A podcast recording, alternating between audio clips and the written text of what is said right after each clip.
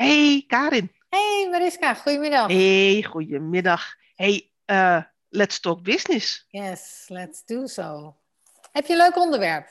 Uh, altijd leuke onderwerpen, maar er is eentje die er met mij, eh, voor mij met kop en schouders bovenuit stak. Nou, laat me eens raden. Mag ik één keer raden? Ja, raad jij eens een keer. Uh, de, nou ja, de, de, de grote zooi, laat ik het zo maar omschrijven, bij de Volksbank.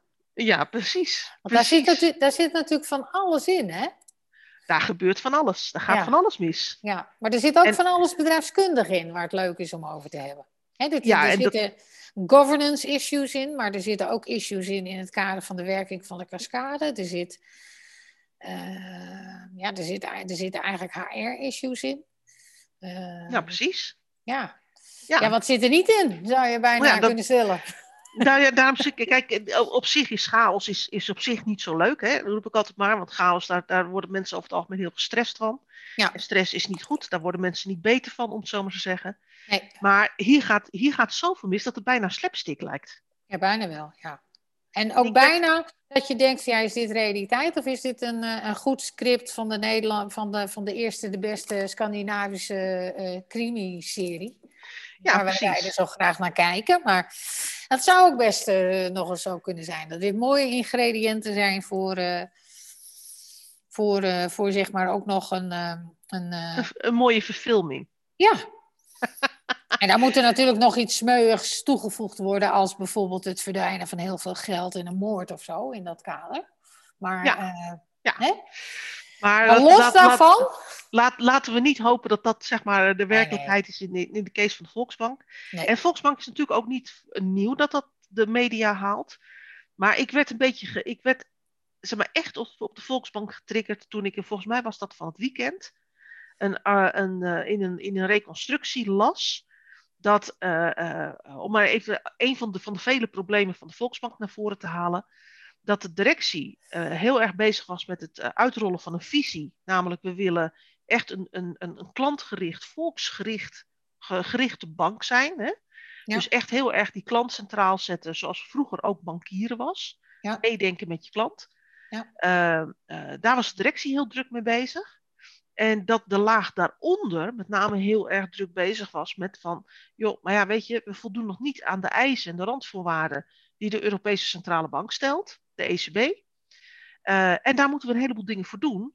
En als we daar niet aan gaan voldoen, aan die randvoorwaarden, dan komt straks, eh, komen we onder, onder, onder eh, verscherpte toezicht.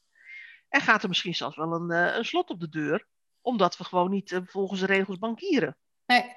Daarvoor was er ook al een artikel geweest, waar ik je toen op wees. Maar dat ging toen veel meer over de governance kant van het, van het hele Ja. verhaal.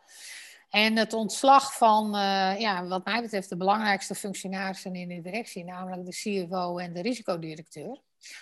En, ehm, en daarvoor was de operationeel directeur, dat, dat, dat was, daar begon het volgens mij mee.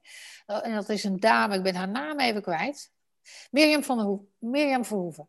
Die dame die had het vertrouwen in de Raad van Commissarissen opgezegd. En dat is natuurlijk ook saillant. Hè?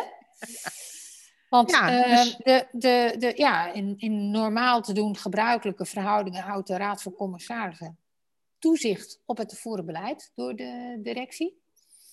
Ehm, ja, en, en, en kennelijk was de verhouding hier tussen directie en Raad van Commissarissen zo verstoord hè, dat een van de directieleden, namelijk de operationeel directeur, het vertrouwen opzij. En later, in augustus, de Raad van Commissarissen in één keer een grote schoonmaak ging houden. Nadat ze, wat ik heb begrepen uit artikelen, hè, en ik, ik zeg niet eh, dat dat eh, de waarheid is, maar nadat ze een tijd lang gewoon ook helemaal niks hadden gedaan. Hè, en ook in het kader van toezicht geen, eh, geen vragen hadden gesteld. Ja, ja. Gingen ze in augustus er in één keer over, nadat die operationeel directeur uit haarzelf al was opgestapt, om de financieel directeur en de riskdirecteur eh, op straat eh, te zetten. En kijk, en het is, het is ook eh, op zich wel begrijpelijk. Hè? Als, je, als je er heel, van, heel erg vanaf de buitenkant naar kijkt. Dan zeg je van zo'n raad van commissarissen. Die wordt geïnformeerd door de directie. Ja.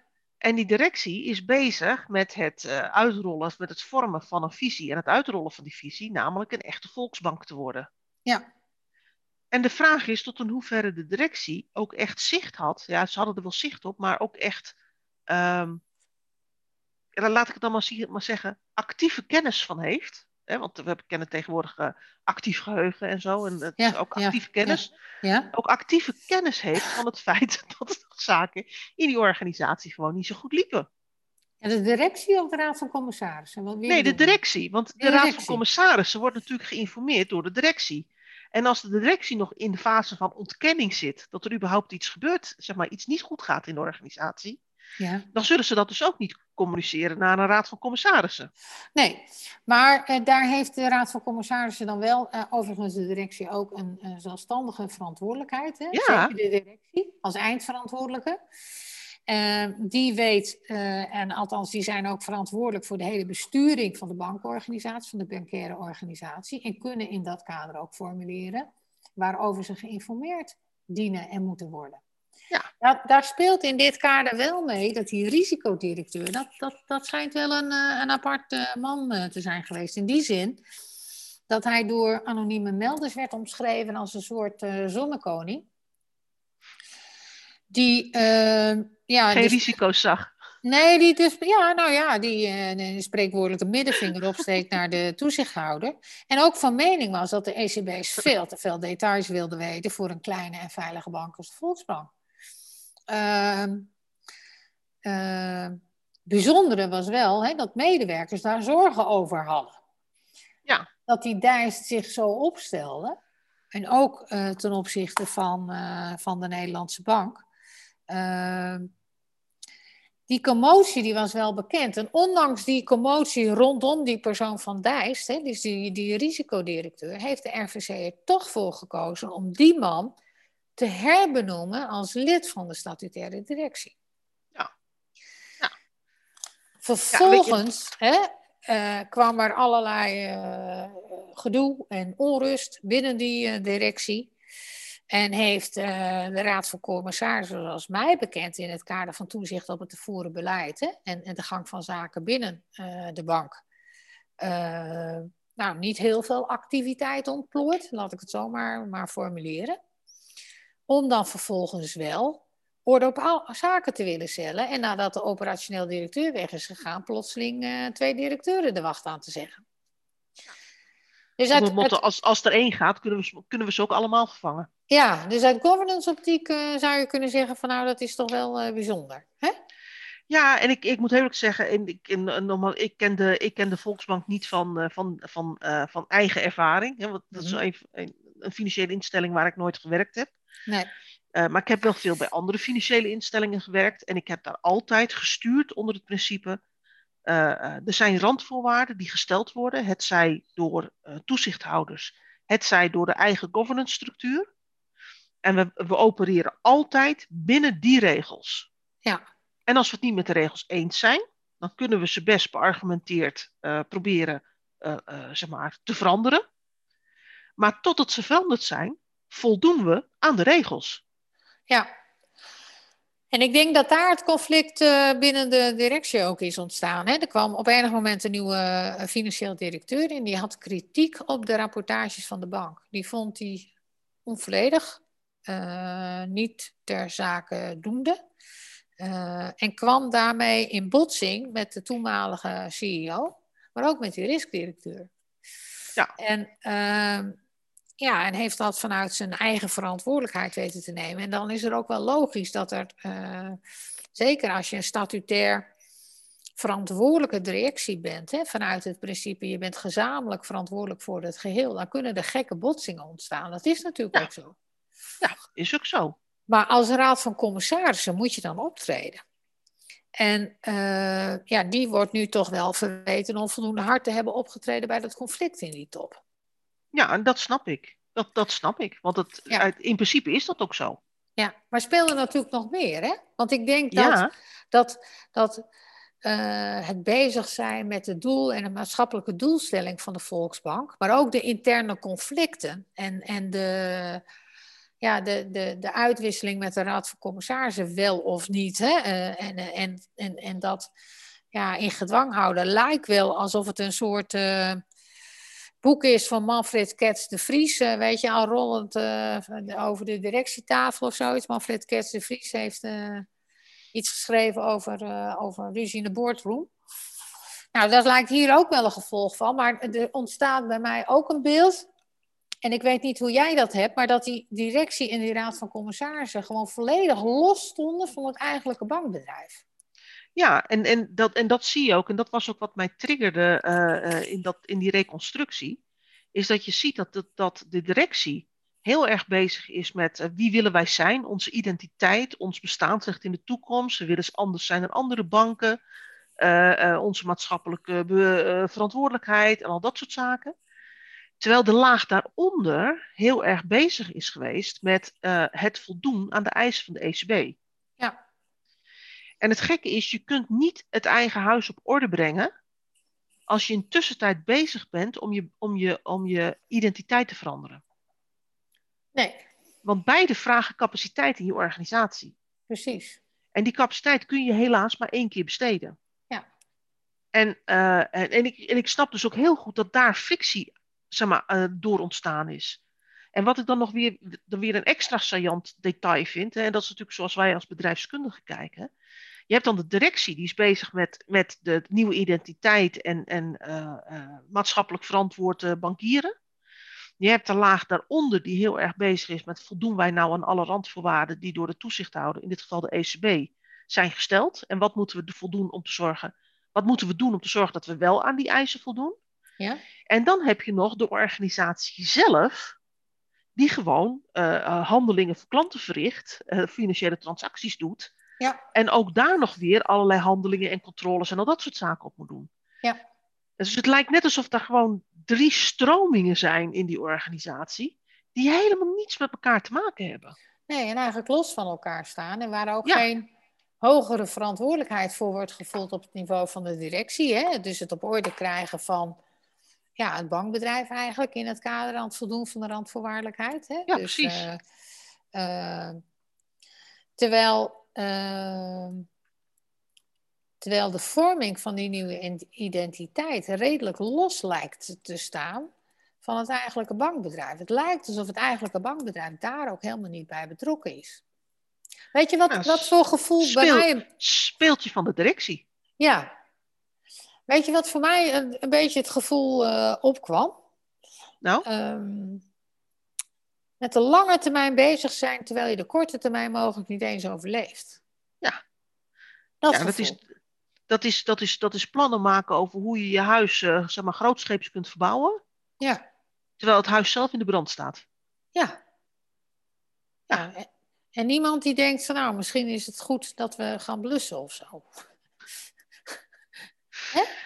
Hoe zullen we Ja. dat eens aanpakken? Dus ik, ik, ik vond dat wel. ehm, ja, ze hebben wel een mooi programma ontwikkeld, hè, wat overigens eh, eh, eh, naar de Delta-werken is genoemd. En, en dat was dan weer een onderdeel van het programma Huis op Orde. Dus dat was er wel. Ja, maar dan nog geldt nog steeds, hè, op het moment dat je denkt in die drie stromen binnen zo'n organisatie, die alle drie hun eigen doelen en hun eigen activiteiten en hun eigen nadrukken kent, Ja, is dat je kunt wel een plan neerzetten van huis op orde, maar zolang je de activiteiten er niet aan koppelt, nee. gaat het natuurlijk niet opschieten. Nee. Kijk, Pieter Drucker zei vroeger al, en dan kom ik toch weer eventjes, eh, even, zeg maar, eh, on- ons goeroe uit de oude doos. Hè, dat, Ja, ja. eh, hij zei altijd, knowledge does not eliminate skill. Nee.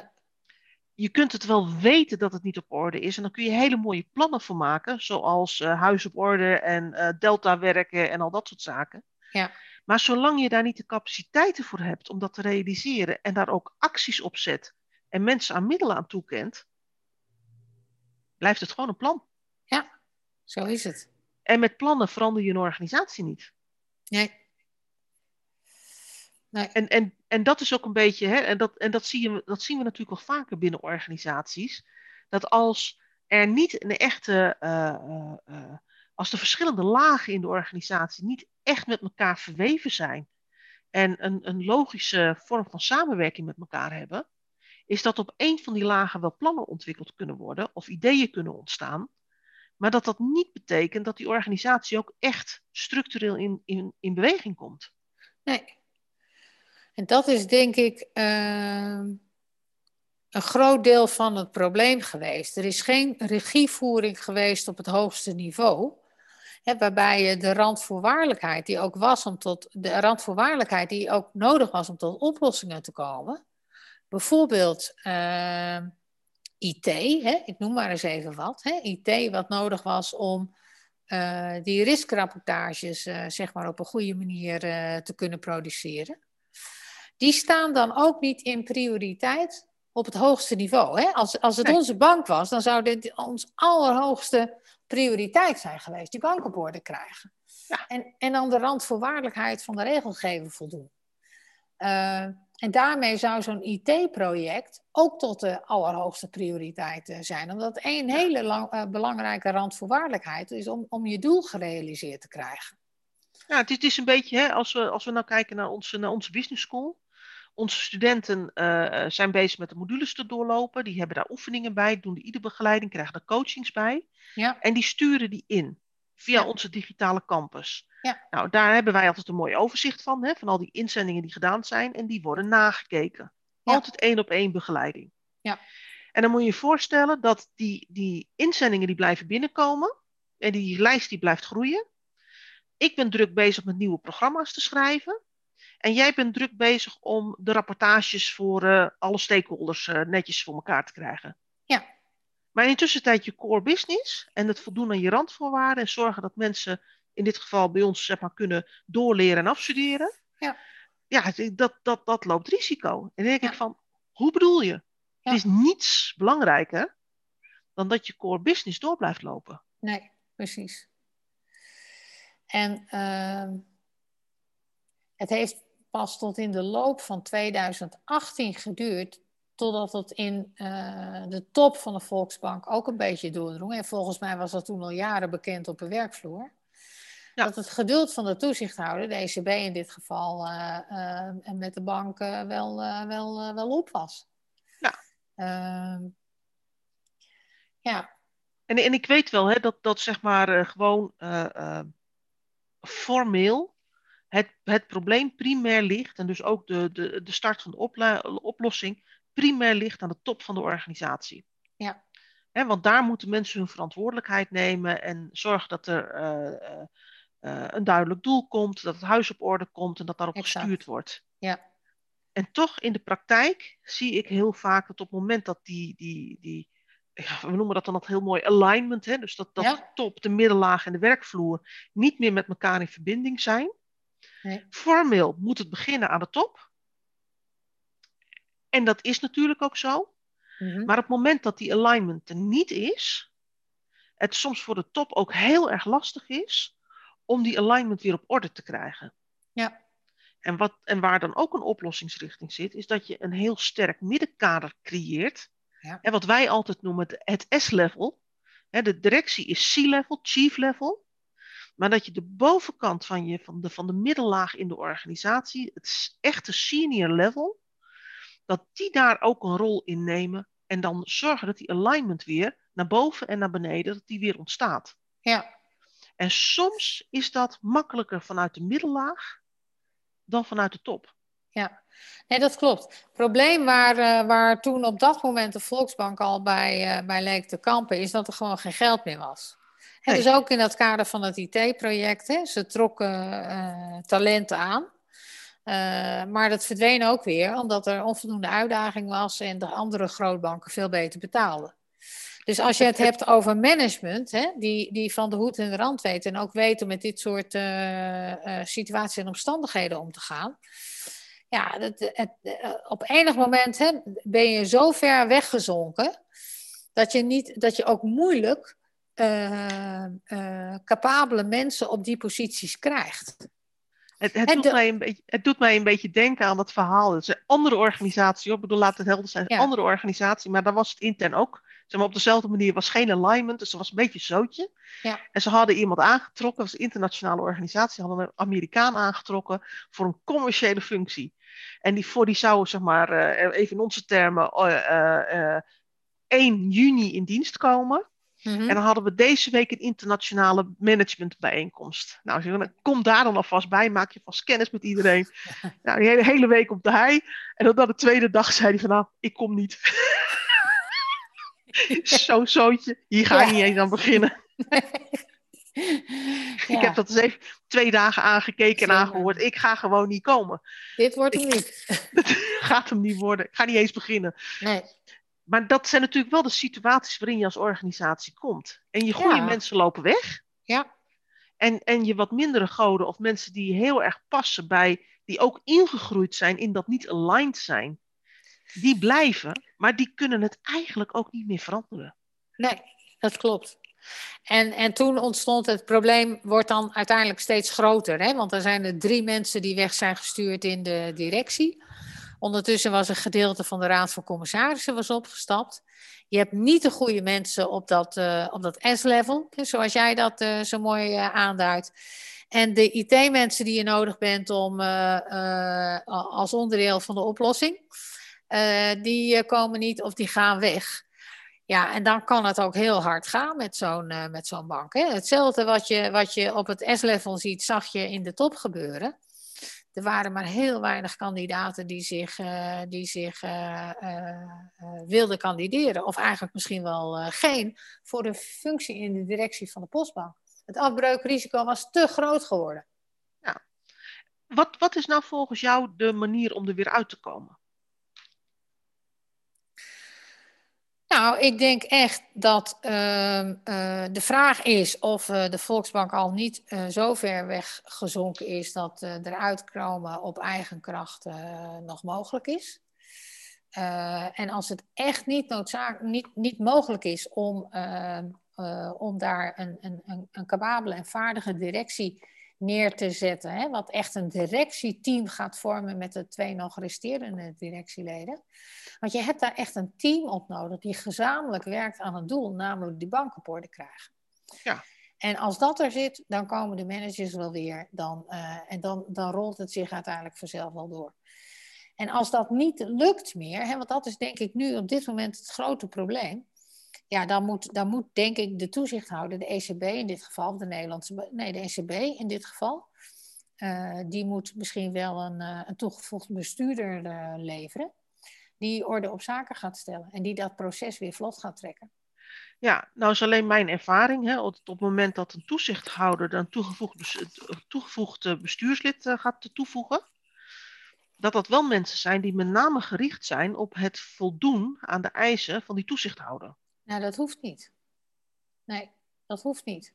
Uiteindelijk dat- gaat het erom. het, het hoeft niet, Nee, maar in de praktijk is dat wel vaak hetgene waar de grootste aandacht dan naar uitgaat van dat, van dat toegevoegde bestuurslid. Eh, dat weet ik niet, want ehm, eh, ik, heb, ik heb daar wel eens ervaring mee gehad met zo'n toegevoegd eh, bestuurslid. En uiteindelijk gaat het erom om de continuïteit van die bank weer te bewerkstelligen en de risicogebieden zodanig eh, onder controle te krijgen dat de bank weer zelfstandig kan functioneren. Dan gaat zo'n toegevoegd bestuurder weer weg en dan is de bank ook weer zo ver hè, dat er andere kandidaten zijn die het bedrijf weer willen besturen, omdat het afbreukrisico voor de persoon in kwestie dan, eh, dan gereduceerd is. Ja. En ze zitten nu in een situatie dat je daar geen capabele bestuurder meer krijgt. En nou is- dan hebben we- afgezien van het feit of je, ze, of je ze nog kunt betalen.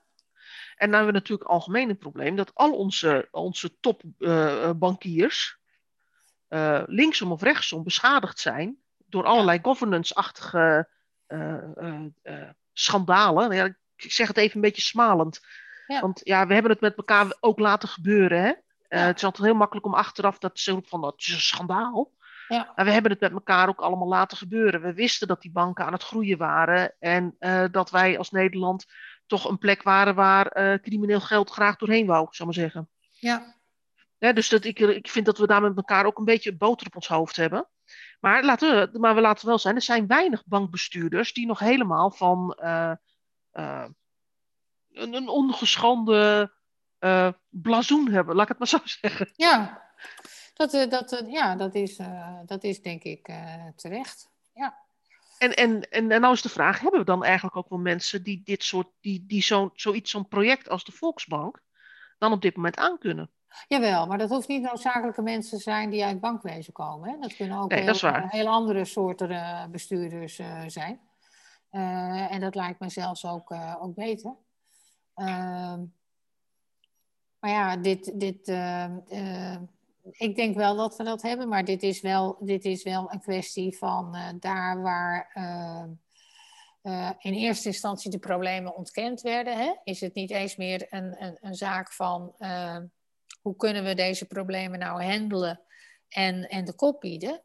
Eh, is het nu gegaan naar een situatie waarin je zegt van hoe kan de bank nu nog overleven? Hè, dus Ja. wat je ziet is eigenlijk van, van problemen die ontstaan omdat ehm, de cascade niet goed werkzaam was. Hè, er geen vertaling was tussen koers naar meerjarenperspectief, naar realisatie van doelstellingen, naar werking aan de going concern. En dat verloop zat er niet in. Hè. Er werd gewerkt aan de going concern en aan de regelgeving en aan de toezichthouder.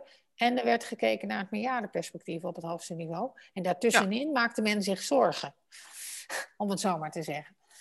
De governance deugde niet. En dan zie je dan in, in, in zo'n verhaal, wat volgens mij eh, heel exemplarisch is naar, eh, ja, volgens mij van een niet functionerende directie. Volgens mij heeft de operationeel directeur nog moeite gedaan om het probleem kenbaar te maken. Bij de, de- die heeft dat eerder al gedaan. Hè? Voor, want voordat jij het vertrouwen opzegt in de Raad van Commissarissen, dat is eigenlijk wel het laatste wat je doet. En dan weet je ook dat je weg moet, eh, moet zijn. Ja.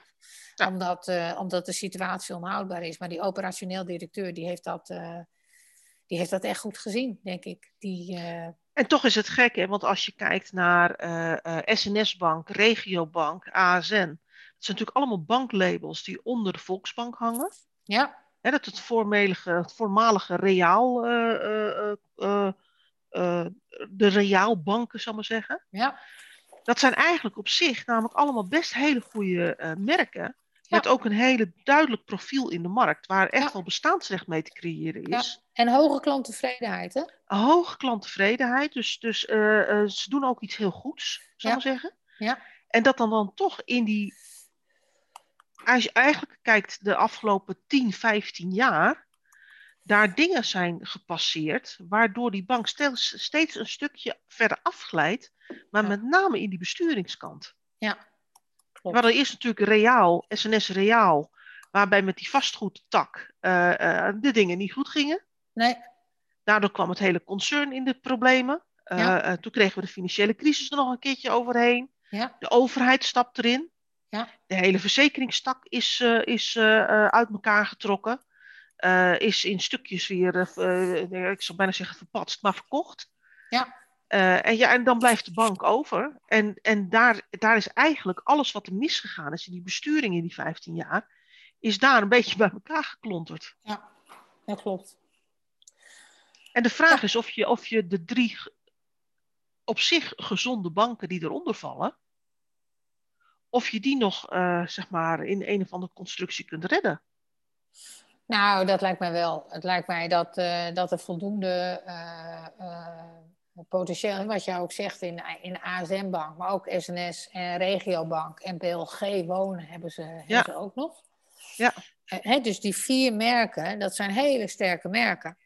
En ik denk dat, ehm, ja, dit, dit is misschien wel een wicked problem, maar eh, op het moment met de juiste systemen en met de juiste ehm, eh, inzet en focus van een nieuwe directie op het belang van risicomanagement. Hè? En de rapportage, ja, of je het nou leuk vindt of niet, maar Nederlandse bankbedrijven is onderhevig aan toezicht van de Nederlandse bank en, eh, en, en, eh, en ECB. En de ECB, ja. En, en dat betekent dus dat je aan regelgeving moet voldoen. En dat zal ook deze bank moeten gaan doen. Is niet de het- makkelijkste oplossing om hier weer uit te komen door die, door die eh, nou, laten we eventjes kijken naar die vier bankmerken. Door die te verkopen aan eh, de andere grootbanken. Ja, dat zou ook kunnen. Want die hebben namelijk systemen die wel in staat zijn om dit te doen. Ja, alleen het probleem wel met die systemen van banken, dan worden we heel erg technisch, is dat dat systemen zijn die gebouwd zijn op systemen. En op systemen. Ah, ik ken het. systemen, Ja, ja, ik ken het. Die vervolgens niet met elkaar communiceren. Dus dat is echt wel een probleem. Ehm, Ja, aan de andere kant, en ik, ja, ik weet, ik, ik kijk er als niet IT'er, eh, maar een simpele marketeer roep ik dat maar eh, eh, redelijk hoekig naar. Ik denk ik, ja, weet je, als je een, een enorm legacy gebouwd systeem hebt. Ja. En je hebt daarnaast een, een bank wat, die functioneert op een, eh, op een redelijk eh, eh, goed geïntegreerd systeem. Ja. Kun je je legacy systeem ook gewoon migreren naar het goede systeem. ja, natuurlijk kan dat. En eh, hè, dus ik denk dat eh, met, met, met, met eh, voldoende geld voor een IT-systeem en, en de mensen die die IT-systemen moeten implementeren, zodat de informatie die daaruit komt, hè, want dat, dat was een van de oorzaken, de gebrekkige managementinformatie die Ja. opgeleverd werd in die, in die wees, waardoor de ECB totaal geen beeld heeft over het realiteitsgehalte van de rapportages. Zijn de rapportages volledig en goed en klopt dat op de inhoud ook nog een keer? En als je het dan hebt over de rapportages over de, over de core van je business, ja, dan heb je wel een probleempje te pakken, lijkt mij.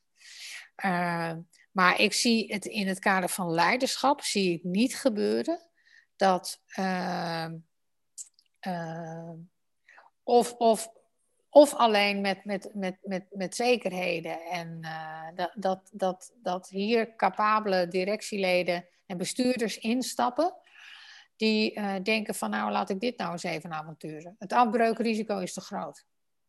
Nee, dus je zou kunnen zeggen, er, er is wel een sense of urgency. Hè? Dat is een noodzakelijke randvoorwaarde voor, uh, voor verandering. Ja. Uh, er is ook wel een visie. Ja. hoe het zou moeten. Ja. Maar de, de, vraag is of, of het leiderschap er is. Nee, we, volgens mij kunnen we stellen dat dat er niet is. Ja, ik probeer het nog een beetje vriendelijk te zeggen. Ja. De vraag is of je de capaciteiten in huis hebt die je nodig hebt om deze transitie te doen. Ja. De vraag is of er een plan is, wat, tot, Ja. wat echte stappen in zich heeft. Ja. En dan is de vraag of de juiste coördinatie- en rapportagesystemen er zijn. Ook niet alleen om, zeg maar, die je op moet leveren, maar ook om de verandering die je inzet, om die goed te monitoren. Exact. En wat dan uh, je systeem van uh, en hoe, hoe, hoe governance uh, zeg maar een plaats heeft gekregen binnen dit bedrijf. En dan niet alleen op het niveau eh, van, van de Raad van Commissarissen, maar ook op die lagen eronder. Hè? Hoe wordt Ja. gerapporteerd en waarover wordt gerapporteerd, zodat het uiteindelijk hè, tot op het hoogste niveau een reëel beeld ge geeft van, eh, van omvang van de portefeuille en ook de risico's die zich daarin bevinden. En ik denk dat je de ECB al voor een belangrijk deel gerust kunt stellen als je gewoon met een reële planning komt. Met, met deadlines die haalbaar zijn en acties die eronder liggen, waarover je gewoon kunt rapporteren. Exact. In de plaats dat je elke keer moet rapporteren, ja, ik ga het niet halen. Nee, exact. Ja, ik weet, ik weet ook niet wanneer wel, maar ik ga het gewoon niet halen. Nee, of dat dan in één keer uh, 300 miljoen van je probleemleningen weg zijn. Ik bedoel, uh, ja. Ja, nou ja, als ze weg zijn, is het probleem wel opgelost. Ja, maar dan zijn ze afgeboekt en dan zien, we het in je winst- en verliesrekening terug. Maar dat Ja, rondje nee, komt de ECB niet maken, volgens mij. Precies. Volgens mij, uh, Karin, hebben wij uh, voor dit moment even genoeg gezegd over de Volksbank. Ja. En ik denk dat we de punten hebben aangestipt waarom, waar, zeg maar, waar de problemen zitten. Maar Ja. ook waarom we nog niet meteen de oplossing zien. Bedrijfskundig. En het is interessant, denk ik, want dat ga ik zeker doen, om te kijken wat nu het vervolg wordt in deze Volksbankcasus. Hoe gaan ze hieruit komen? Wat wordt nu een oplossing? En wie gaat die kaart trekken? Hoe houden ze de sense of urgency? Ja, Terwijl ze de rest van de, actie, van de, van de belangrijke eisen voor verandering, die, eh, dat ze die ook eh, zeg maar, vast gaan houden. exact. Nou, weer eentje op het lijstje om te gaan volgen. Zo is het. Hey, wij spreken elkaar. Ja, dat doen we. Hey, tot kijken. Tot de Hey. volgende keer. Doei doei! Ja.